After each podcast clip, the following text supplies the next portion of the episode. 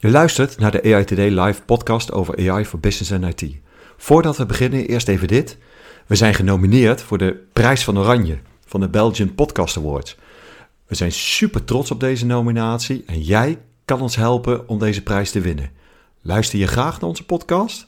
Stem dan via belgianpodcastawards.be. Alvast bedankt. Hoi, even een hele korte mededeling voordat je begint aan het luisteren van deze aflevering. Je gaat horen dat het het eerste is van het eh, nieuwe seizoen. We hebben besloten om de eerste twee afleveringen van ChatGPT toch even iets eerder uit te brengen. En omdat we niet houden van knippen, ga je horen, eerste seizoen klopt, maar dan de eerste met een nieuwe gast. Welkom bij een, nou, compleet nieuw seizoen hè, nieuw Ja. seizoen De eerste. Oh. Van eh AI Today Live. Leuk dat je luistert. We hebben vandaag in onze studio hebben we Marijn Marcus. Marijn, dankjewel uh, dat je op onze uitnodiging in bent gegaan. Zou je je even voor willen stellen aan onze luisteraars? Hoi iedereen, ik ben Marijn Marcus, hier live vanuit Veenendaal. Niet meer live nu jullie luisteren, vrees ik.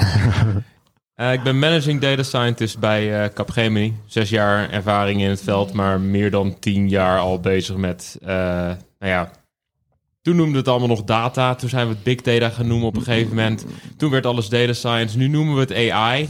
Ik snap nog steeds niet helemaal wat alles, alle nieuwe buzzwords er steeds doen. Ik doe data om mensen te helpen. Dat oh ja, cool. Nou, dat is, uh, dat is al een heel mooi uh, statement. Uh, hoe ben jij hierin terechtgekomen? Nou, heb je even. nou, een minuutje of twintig. nou, je maakt allemaal fouten in je leven. En ik heb op een gegeven moment de fout gemaakt om sociologie te gaan studeren. Ja. En mijn pa die vroeg zich af, ja, wat ga je in vredesnaam daarmee doen, Marijn? Maar ik ging naar Utrecht, universiteit, represent. En dat is de meest kwantitatieve afdeling van sociale wetenschappen van heel Europa. Dus ik zat voornamelijk onderzoek, onderzoek te doen naar het gedrag van grote hoeveelheden mensen.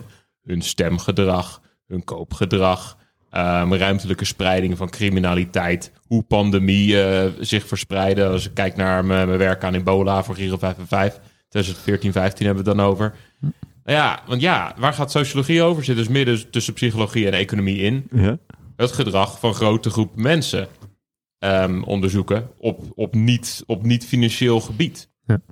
En nou ja, vanuit daar ben ik afgestudeerd dus op uh, ruimtelijke spreiding van criminaliteit in Rotterdam, mijn hometown, represent, uh, voor Abu Taleb. En toen kwam Capgemini langs en uh, ja, toen raakten we in gesprek, want die vond, we vonden het allemaal heel erg cool en heel erg data science. En ik zei, ja, ja.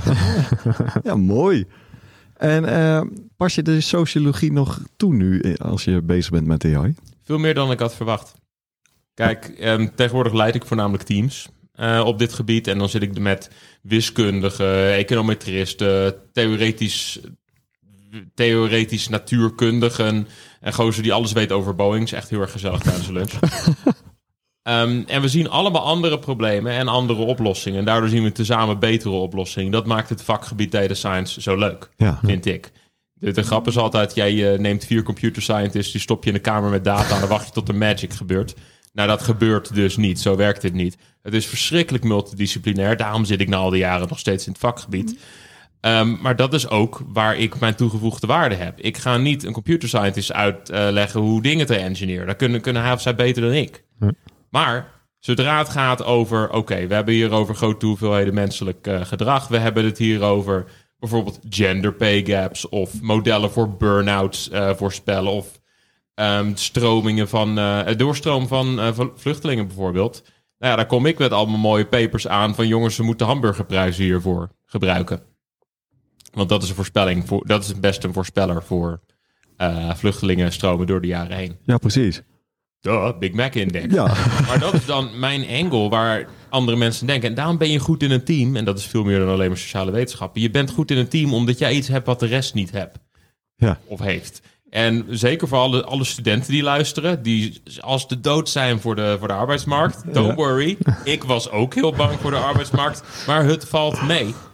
Want binnen, binnen de Unie voel je je vaak onbelangrijk, omdat je alleen maar daar zit met collega's, studenten, laat staan docenten, die alles beter weten dan jij over dat ene onderwerp. Ja. Dan kom je de arbeidsmarkt binnen, kom je erachter, jij bent de enige in de zaal die wat weet over dat onderwerp. Sterker nog, ze willen jou en ze waarderen jou vanwege jouw kennis over dat ene onderwerp. Precies. Tegelijkertijd, je mag geen fouten meer maken, want er is geen enkele docent die meer zegt... Mattie, je hebt je regressie niet gestandaardiseerd. Dat moet je nu gewoon zelf weten. Dat is ook wel weer een paniekmoment. Maar ik wens dit iedereen toe. En daarom hamer ik ook tegenwoordig zo op uh, lopen stages en begeleid ik heel veel stagiairs tegenwoordig. Van de bachelorstudenten, eerstejaars bachelorstudenten in Nederland, gaat gemiddeld 2% een PhD doen. 2%. Ja. Terwijl het overgrote deel van de studenten alleen maar klaargestoomd wordt vanuit de academische wereld om een PhD te gaan doen. Wat gaat er met die 98% gebeuren? Ja, die komt in de markt. Ja, maar daar worden ze niet op voorbereid. Daarom moet niemand vertelde mij dat ik een stage moest gaan lopen. Heb ik zelf gedaan bij Giro 55 en bij de Nederlandse politie. Nou, eye-openers voor mij. Ik heb leren koffie drinken. Het was echt smerige koffie, dat wel, maar ik heb leren koffie drinken. Um, en ik zag wat mijn kennis en mijn kunde op het gebied van data, op het gebied van statistiek, op het gebied van pak vijf papers en leg uit wat er kan gaan gebeuren. Dat kon ik in de praktijk brengen. Maar wat was je nou het, het grootste, die eye-opener wat jij zei, tussen wat je geleerd had, zeg maar, in je studie en wat je dan, zeg maar, in de echte wereld, als ik dat tussen aanhalingstekens mag zetten, in de echte wereld tegenkomt? Oh, ik had meerdere eye-openers, maar makkelijker was dus 2015, de hele ebola-pandemie. Toen ik uh, stage liep bij Giro 55. Ja. En begon met Excel-sheet werk over de eilanden in de Filipijnen na de hele Haiyan-vloedgolf. 2013-14 spreken we dan. En waar, waar we rapporten aan het doen over welk eiland was geholpen met wat voor dingen. Plotseling kregen we een wereldwijde pandemie. Ja. Een wereldwijde pandemie in West-Afrika. Iedereen, iedereen ogen daarop. Um, en ik begon data te pakken vanuit drie, vier verschillende NGO's over waar, waar, het, waar, het, waar het naartoe ging, waar, hoe de spreiding lag voor verschillende regio's. Um, nou, ik zat stadsgeografische modellen die ik had geleerd over, uh, over verhuizingen en verspreidingen van, uh, van even kijken, nou ja, gewoon hoe mensen zich verhuizen over een stad, over verschillende regio's, kan je ook op nationaal niveau toepassen. Oh ja. Dat begon ik te visualiseren, te exporteren uit R en zo in, in SVG's, zodat ik het kon pimpen in Adobe Illustrator. en een van die kaarten, die is op het NOS gebruikt. Dus dat was het moment dat ik een foto maakte van de televisie die naar mijn moeder stuurde. Op de, Kijk, mama, zo is op tv. Laat dit vooral aan papa zien. Want ik kwam erachter dat de rotzooi die ik doe met data... dat ik daar mensen mee kon helpen. We hebben 10,6 miljoen euro opgehaald om noodhulp naar West-Afrika te sturen. en ik, ik, had alleen maar van... Man, dit wil ik. Ja, impact. Oh. Mooi. Nou, dat is één voorbeeld. Heel mooi. En als je dan nu uh, terugkijkt... Uh, wat, is, wat is op dit moment je meest nou, leuke, impactvolle... Uh, je mag zelf het criterium kiezen. AI-project die je gedaan hebt of waar je mee bezig bent? Ja, ik ben altijd met vijf verschillende projecten bezig. Eén, voorbeeld waar ik vanuit Capgemini veel mee bezig ben is Project Farm. Dat is een, uh, een dataplatform dat we hebben ontwikkeld in, in het begin ooit voor, voor Kenia, maar nu met een hele sterke focus op India. Ja. Om advies te geven aan kleinschalige boeren al daar. Want we vergeten vaak dat meer dan de helft van het land mm uh, van India in, de agrari in de agrarische sector werkt. Ja. zijn boeren. Um, en die kan je advies geven. Hoeveel, hoeveel moeten ze planten? Hoeveel, uh, wanneer moeten ze oogsten? Hoeveel mest moeten ze gebruiken? Ja. Niet al te, uh, al te moeilijke berekeningen hier en daar, maar wel hele belangrijke berekeningen. Want het kan het verschil, um, uh, het, het, het, kan het verschil tussen een goed, een goed, jaar oogst of helemaal geen oogst betekenen. Um, en zo'n simpele berekening, zoals bijvoorbeeld hoeveel mest moet je gebruiken, in plaats van dat ze gewoon alle spaargeld gebruiken om mest te kopen. Oh ja, ja. Alles op het land gooien. Dat is niet lineair natuurlijk. Nee. Uh, Zo'n simpele berekening maakt dan voor een groot verschil. En dat is ook een heel groot van, uh, deel van mijn vakgebied. Het gaat er helemaal niet over dat het coolste, mooiste deep learning model gebruiken. Maar dat we de vraag en het probleem begrijpen. En daar een passende methode aan plakken. Om mensen betere beslissingen te laten nemen. Ja, dat zien wij natuurlijk in de praktijk ook. Hè. Dat, dat geldt voor uh, grote, grote enterprises tot aan zelfs kleine start-ups. Van dat je zorgt dat je, ja, dat, je, dat je impact maakt, dat je een probleem oplost. Hè? Dat het niet over de technologie gaat. Dus het maakt inderdaad niet uit hoe hip of uh, niet hip. Het gaat erom, ja, wat, wat los je op? Er is een reden dat Google het uh, Chief Decision Scientist is gaan noemen. Ja. Maar dat is slechts een voorbeeld van, van het bredere ding. Dat heel veel mensen dit vakgebied betreden van, met de gedachte dat ze een opdracht gaan krijgen. Net zoals op de Unie van bouw dit model met deze technieken en die data en bereik die accuratie. Dat is niet hoe het werkt, jongens. De mensen die die opdracht gaan geven, die snappen nog niet eens wat voor modellen het zijn. Laat staan of er überhaupt data is. En dan gaan ze je zeggen, ja, maar het moet wel 95,9% accuraat zijn. Ja. Maar ze definiëren niet die accuratie. Dus je kan, je kan, eh, je kan zelf wat in elkaar uh, ducttapen wat dat betreft. Onze taak is om de juiste methoden te kiezen Ja. en uit te voeren. Niet alleen het uitvoeren. En stiekem vind ik dat ook het coolste van het, he- van het hele vakgebied. Want dan ben je problemen aan het oplossen. Precies. Alleen ik gebruik er iets meer data en iets meer smart assery bij dan, dan de gemiddelde persoon. Ja, heel mooi. Hey, en eh, ik had ook begrepen, want we hebben heel kort even een telefonisch voorgesprekje gehad. Hè? Want eh, standaard zeg maar eh, stel ik het liefst alle vragen in de podcast. Dus we hebben altijd eh, kort contact met onze gasten. Dat je aangaf dat je ook daadwerkelijk dan naar India gaat voor dit soort voor deze projecten. Of was dat voor een ander project? Ja, ik was er afgelopen december nog. Ja. En dan, dan, dan is dat ook in het kader van, van dit project. Ja, juist om lokale boeren te ontmoeten en met ze te praten. Want anders zit ik hier als witte man vanuit Veenendaal allemaal aannames te maken Mhm. over wat mensen daar nou nodig hebben om al hun problemen op te lossen. Ja. Zo, zo werkt dat niet, volgens mij. Of zou, zo zou dat niet moeten werken. Ja, dus je hebt eigenlijk ook gewoon, weet je, iets van domeinkennis nodig om goede modellen te maken. Dat geldt voor elk project wat Toch? ik ooit heb gedaan. Ook Ja. bij de grote enterprises. Maar ja, daar mag ik niet zomaar over praten. Dus ik praat hierover. Ja, nee, heel goed, heel goed, graag.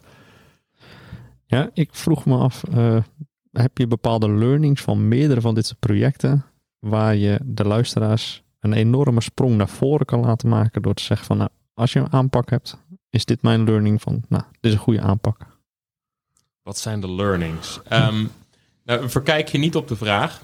Allereerst, want meestal zit er een vraag achter de vraag en die zijn ze bijna nooit aan het benoemen of die snappen, verstehen ze zelf niet. Zeker als, eh, nou ja, als technicus in dit vakgebied. Ehm, nooit zomaar de opdracht lezen en die uit gaan voeren. Altijd in gesprek gaan om verduidelijking eh, vragen. Waarom? Waarom zijn er dataproblemen? Wat gaat er hier, eh, gaat er hier eh, los? Ehm, om een ander eye-opener moment gewoon even er meteen bij Ja. te pakken. Mijn, mijn criminaliteitswerk voor, eh, voor Rotterdam. Dus, eh, oh, dat is ook al zes, zeven jaar geleden. Ik voel me oud. Eh, maar een van de problemen waar ik daar tegenaan liep... was dat ehm, etnische minderheden een goede voorspeller was van criminaliteit. Mhm. Nou, vanuit de literatuur en de wetenschap en eh, realiteit weten we... dat is niet zo simpel, jongens. Ja. Maar de data van mijn model toonde, ja, er is een hele sterke relatie tussen die twee. Meer, meer niet-westerse allochtonen in de buurt, dan heb je meer steekincidenten, meer, meer criminele incidenten. Nou ja, en mensen kunnen daar hele verkeerde keuzes eh, en hele verkeerde conclusies aan verbinden. Het was pas toen ik eh, vier verschillende me- metrics van armoede toevoegde en financiële achtergesteldheid, et cetera, waar een correlatie tussen bestaat Ja. ehm, dat ik kon plaatsen waar het nou eigenlijk vandaan kwam. Zonder die verduidelijking vanuit de domeinkennis, die ik toevallig zelf daar had, want ik zat hier zo te studeren, ehm, zou ik nergens zijn geweest. Dus uitspraken als de data spreekt voor zichzelf is echt heel erg eng. Ja. Wij hebben als taak om context te geven aan al die observaties, aan, aan wat er daar staat. Anders is het alleen maar data. Want da- wa- data zonder, waar, zonder context is waardeloos. Ja. Dus waarom al die bedrijven zo aan het focussen zijn op maar data minen in de hoop er ooit nog eens geld aan gaan te verdienen, heb ik ook nooit helemaal begrepen. Ehm, maar dat is ons werk uiteindelijk, om context te genereren, om het te verklaren. Anders gaat niemand het geloven als je het niet uit kan leggen. Ik kan prima burn-outs voorspellen met een heel moeilijk deep learning XGBoost model. Maar als ik dan niet aan HR kan uitleggen, deze persoon gaat droppen vanwege, ehm, vanwege, vanwege te veel werkdruk of vanwege te veel werkaf, eh, reisafstand of vanwege de manager, gaan ze er ook niks aan kunnen doen. Precies. Dus ons werk is om die context te bieden. Ja, en een stapje verder gaan dan de eerste conclusie die je denkt te vinden in de data en de context, eh, is mijn eh, persoonlijke opvatting daarbij. Precies. Maar laten we eerlijk zijn, heren, dat klinkt niet zo sexy als AI. Precies. maar het is het. Ik ben het helemaal met jou eens hoor. Dat is ook eh, een van de stokpaardjes die wij ook eigenlijk wel bereiden. is juist inderdaad die uitlegbaarheid. En die uitlegbaarheid die krijg je pas als je werkelijk door hebt wat je aan het doen bent. Dus het is. En, en wat ik ook wel eh, eh, zie, ik weet niet of jij dat in de praktijk tegen bent gekomen, juist omdat je het had over studenten die in de echte wereld komen, dat ze eh, momenten hebben dat ze hebben zitten sleutelen aan het model en in één keer, zeg maar, gaan ze van, van hij, hij doet ongeveer helemaal niks. Nou ja, weet je, een, een onwaarschijnlijke uh, accuratesse. Dan is er een halleluja moment en dan kom ik langs en ik, dat kan niet. Dat bestaat niet. Er gaat iets mis. He, dus waar zij zeggen, denken van, yes, weet je, ik heb hem, want uh, we zitten op 99,9. Nou, wantrouwen van hier tot en met Tokio. Ja, dan heb je de predictor achterstevoren staan. Of Zoiets. Een, een, een, een voorspelde waarde als voorspeller gebruikt, dat soort dingen. Dat, dat gevoel ken ik. Maar soms heb je een halleluja moment dat niet genadeloos onderuit wordt gehaald door een collega. Ja. En die momenten, jongens, de Eureka-momenten van holy moly, ik heb wat. Ja. Daar doen we het voor, Ja. toch? Ja. Daarvoor zit ik in Zeker. dit vakgebied. Die rush. Maar ook daarvoor denk ik wel dat je dan nadenkt van, ja, maar is het, is het wel echt zo? Hè? Dan, ga, je, ga je proberen je eigen ongelijk. Maar dat te is, bewijzen. dat is ervaring en dat is het science gedeelte van data science. Precies, dat we ja. wetenschappelijke methodes en falsificatie en alle mooie dingen die Popper ooit heeft geschreven toepassen om onze eigen bevindingen onderuit te halen totdat we niks meer hebben. En dan gaan we, nou, dan is het misschien toch wel waar. Ja. Dat is de game. En dat je dan even wat, eh, wat plopt of een eh, taartje erop eet. Nee, dan begint het gedonder pas, want dan moet je business nog overtuigen. Hoe doe je dat? Nou, met hele mooie kleurtjes en plotjes. Dat is een goeie. Bar charts. Geen pie charts over mijn lijn. Eh, ja. Ja, mooi hoe je dat verwoordt, inderdaad, dat Eureka-moment. En ja, vooral het debunken van eigenlijk je eigen bevinding, als ik het voor mezelf in mijn eigen woorden zeg. Inderdaad, zorg dat je question everything van watgene wat je gebouwd hebt, wat je ziet, of dat waar is. En, en die mentaliteit, die ja, wordt niet vanuit school direct meegegeven. Dus dan denk je, we zijn er. Maar dan, dan begint het pas. Maar dat is ook een hele moeilijke, want Mhm. de wereld, plat gezegd, is niet zwart-wit. Maar het menselijke brein denkt echt heel erg graag in zwart-wit. Ja. Ja, ons hele juridische stelsel is gebaseerd op als-dan wetmatigheden. Mhm. Maar het is nooit een if-then statement. Het is altijd een kansberekening. ja, En daar komt het gedonder. Want de gemiddelde Nederlander, de gemiddelde persoon op deze aardkloot... is echt heel slecht in rekenen en in statistiek. absoluut. En dat is ook meteen onze grote uitdaging eh, hier. Dat het allemaal kansberekeningen zijn. En dat we het ook zo uit moeten leggen. Terwijl business alleen maar wil horen... Ja, maar is het dus goed of slecht? En jij zit van... Ja, zo simpel is het niet. Ja, dan heb je hun aandacht al niet meer. Nee. Dus dan moet je plotseling ook heel goed kunnen entertainen. Heel goed kunnen communiceren. En heel precies weten wat je wel en niet moet zeggen. Hoe treurig het ook klinkt. Omdat je maar vijf minuten hun aandacht eh, eh, hebt. Gelukkig heb ik opera gedaan toen ik 18 was. Dus ik weet een beetje hoe het is om te presenteren. Hey, en eh, zou je daar tips voor hebben dan? Voor, voor de luisteraar? Die zegt van, nou, dit is, eh, dit is wel één van de dingen. Ik, ik, snap dat je niet eh, je hele ervaringen even in drie zinnen kan, kan uitleggen. Maar wat zijn, dat je zegt van, nou, weet je, start hier eens mee. Durf fouten te maken. Dat is de allereerste. Mooi. Communiceren is vallen en opstaan en proberen en op je bek gaan en het nog een keer te proberen. Dit is geen relatieadvies, maar daar gaat het ook over.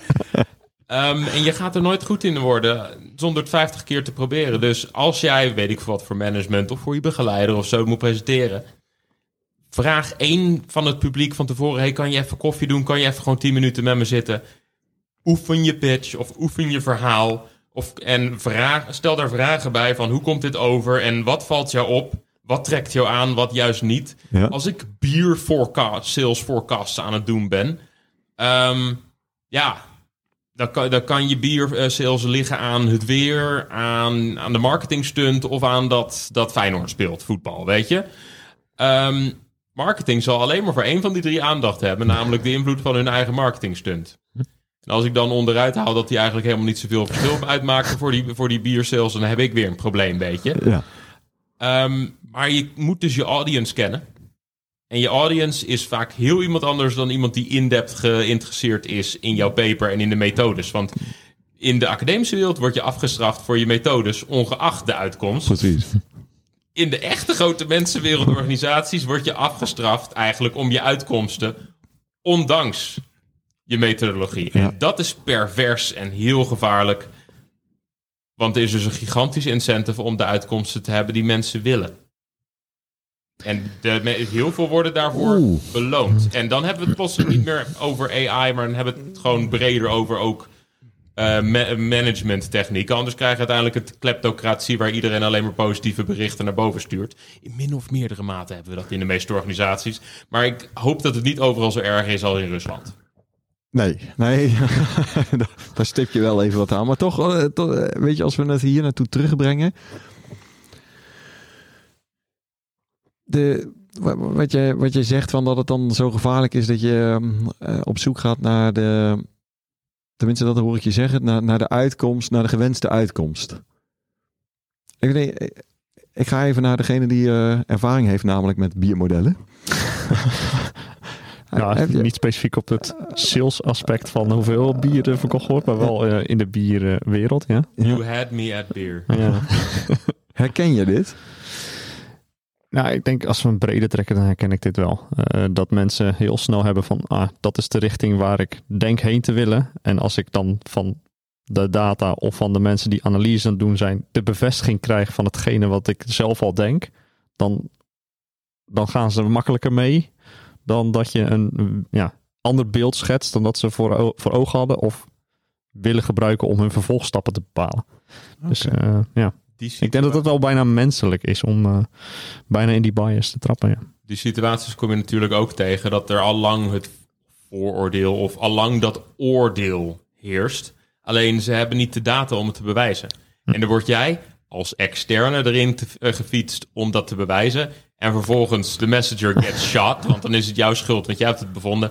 Maar ze wisten het eigenlijk al. En dat kan gaan over het functioneren van een afdeling of, of bepaalde praktijken.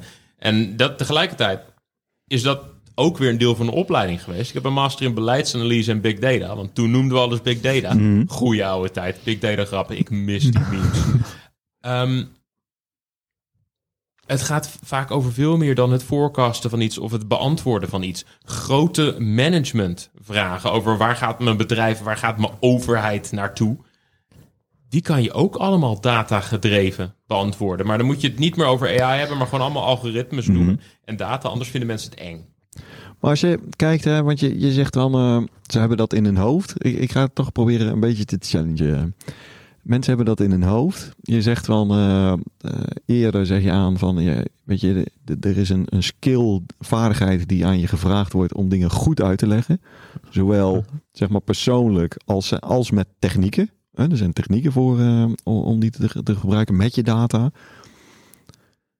Geeft jou dat dan, zeg maar, als data scientist dan ook niet de verantwoordelijkheid dat je het ook zodanig kan uitleggen van wat je geconstateerd hebt, dat heb je gecontroleerd, bewezen, dat je dat ook over kan brengen. Dat je zegt van ja, maar wat je als vooroordeel in je hoofd had, is aantoonbaar anders. Ja, enerzijds, objectiviteit bestaat hier niet in het Nee, vakgebied. dat, dat, dat, dat zeg ik ook niet. We kunnen alleen maar onze subjectiviteit erkennen Mhm. en uitschrijven in 15 pagina's van ons paper. Dat, zo heb ik het geleerd. En daardoor iets minder wrong te zijn. Nee, maar ik heb het niet over papers, hè, want Nee, papers maar- werken niet in, de, eh, Nee, maar- in het bedrijfsleven. Ik maak juist de vergelijking omdat Ja, om het contrast te geven met, met de echte wereld. In de, in de echte wereld werk je niet in je eentje en hoef jij ook niet zelf alle waarheid te hebben, want je werkt in een team. ja, Vroeger noemden we alles en iedereen data scientist, toch? zeker. Sexiest beroep van de century, al die dingen. Nu wil, eh, wil, wil een heleboel mensen plotseling allemaal data engineers en eh, analytics explainer, allemaal nieuw, alle AI engineer, allemaal nieuwe termen komen erbij. Waarom? Omdat het vakgebied langzaam maar zeker steeds iets minder immature wordt. En prompt engineer gaat dit jaar weer, weer, weer buzzword worden. Eh, pro- prompt engineer is een nieuwe, data, is een nieuwe data science.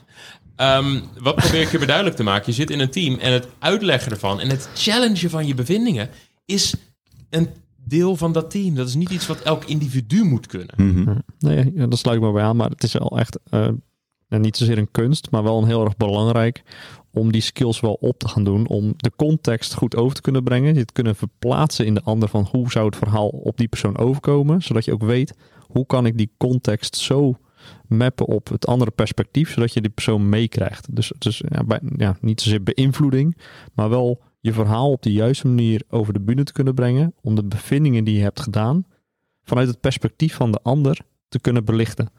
Anders dan komt je verhaal niet goed over. Nee. Hebben jullie ooit eh, de IT-crowd gezien? Eh, stukjes. Het is een aanrader om de IT-crowd te bekijken. Want vaak in projecten eh, heb je dan nog, ook nog aparte rollen die gewoon in mensentaal met mensen kunnen spreken. En dat noemen we dan een business analyst en zo. Ehm, dat zie je ook in die serie die echt 20 jaar oud is eh, Ja. terugkomen. Gewoon dat ze één iemand naast die IT-mensen zetten die geen ene zak snapt van hoe een computer werkt, maar wel met mensen kan praten. En we veranderen die titel elke paar jaar. Maar het komt erop neer dat, iemand, dat een paar mensen bouwen en andere mensen communiceren. En dat we uiteindelijk niet goed genoeg zijn in het jong leren van die verschillende taken. Dus gaan we er aparte rolletjes zwart-wit voor maken. Hey, als, eh, als afsluiting, wat eh, zijn er resources, boeken, opleidingen, eh, iets, wat je mee zou kunnen geven aan onze luisteraar die zegt van, eh, ja, maar als jij deze stap wil maken, dus daar echt beter in willen worden in, eh, in, in dat uitlegdeel, wat zou je ze dan mee willen geven? Waar zouden ze kunnen beginnen? Kijk, ik moet de namen van de auteurs opzoeken. Dat is moeilijk. Ehm, als je wilt lezen over kwantitatieve benaderingen van, van nou ja, grote so- sociale fenomenen, probeer Bullshit Jobs van David Graeber. Uitste- uitstekend eh, eh, boek. Zegt ook meteen heel veel over hoe onze organisaties eh, gecreëerd zijn. we- Welke waarden toevoegen, welke niet. Ehm, nou ja, het, het klassieke werk van Popper over falsificatie is een boekwerk. Maar het is ook meteen de bijbel voor, voor moderne wetenschap. Mooi. En ja, jongens, lees allemaal Neuromancer als je dat nog niet hebt gedaan. Eh, 1983 van... Man, hoe heette die gozer? De guy die cyberspace als term heeft uitgevonden. Die het moderne internet omschreef in, nogmaals, 1983. Ja, geweldig. Ehm, en alles wat je tegenwoordig over metaverse ziet, Ja. al die zooi, als je dat gewoon ctrl-F't en metaverse verwisselt met, eh, met, ehm, eh, met, eh, met cyberspace of cyberpunk of weet ik veel wat, dan heb je het werk van William Gibson uit de jaren 80. Hartstikke mooi. We gaan ze opnemen in de show notes. Marijn, dankjewel. En ja, ik eh, ben weer een heel, heel entwijzer geworden. Oh, de verkeerde. Starten een muziekje in. Dankjewel dat je weer luisterde naar een nieuwe aflevering van de Today podcast. Zorg dat je je even registreert in je favoriete podcast app en mis geen aflevering.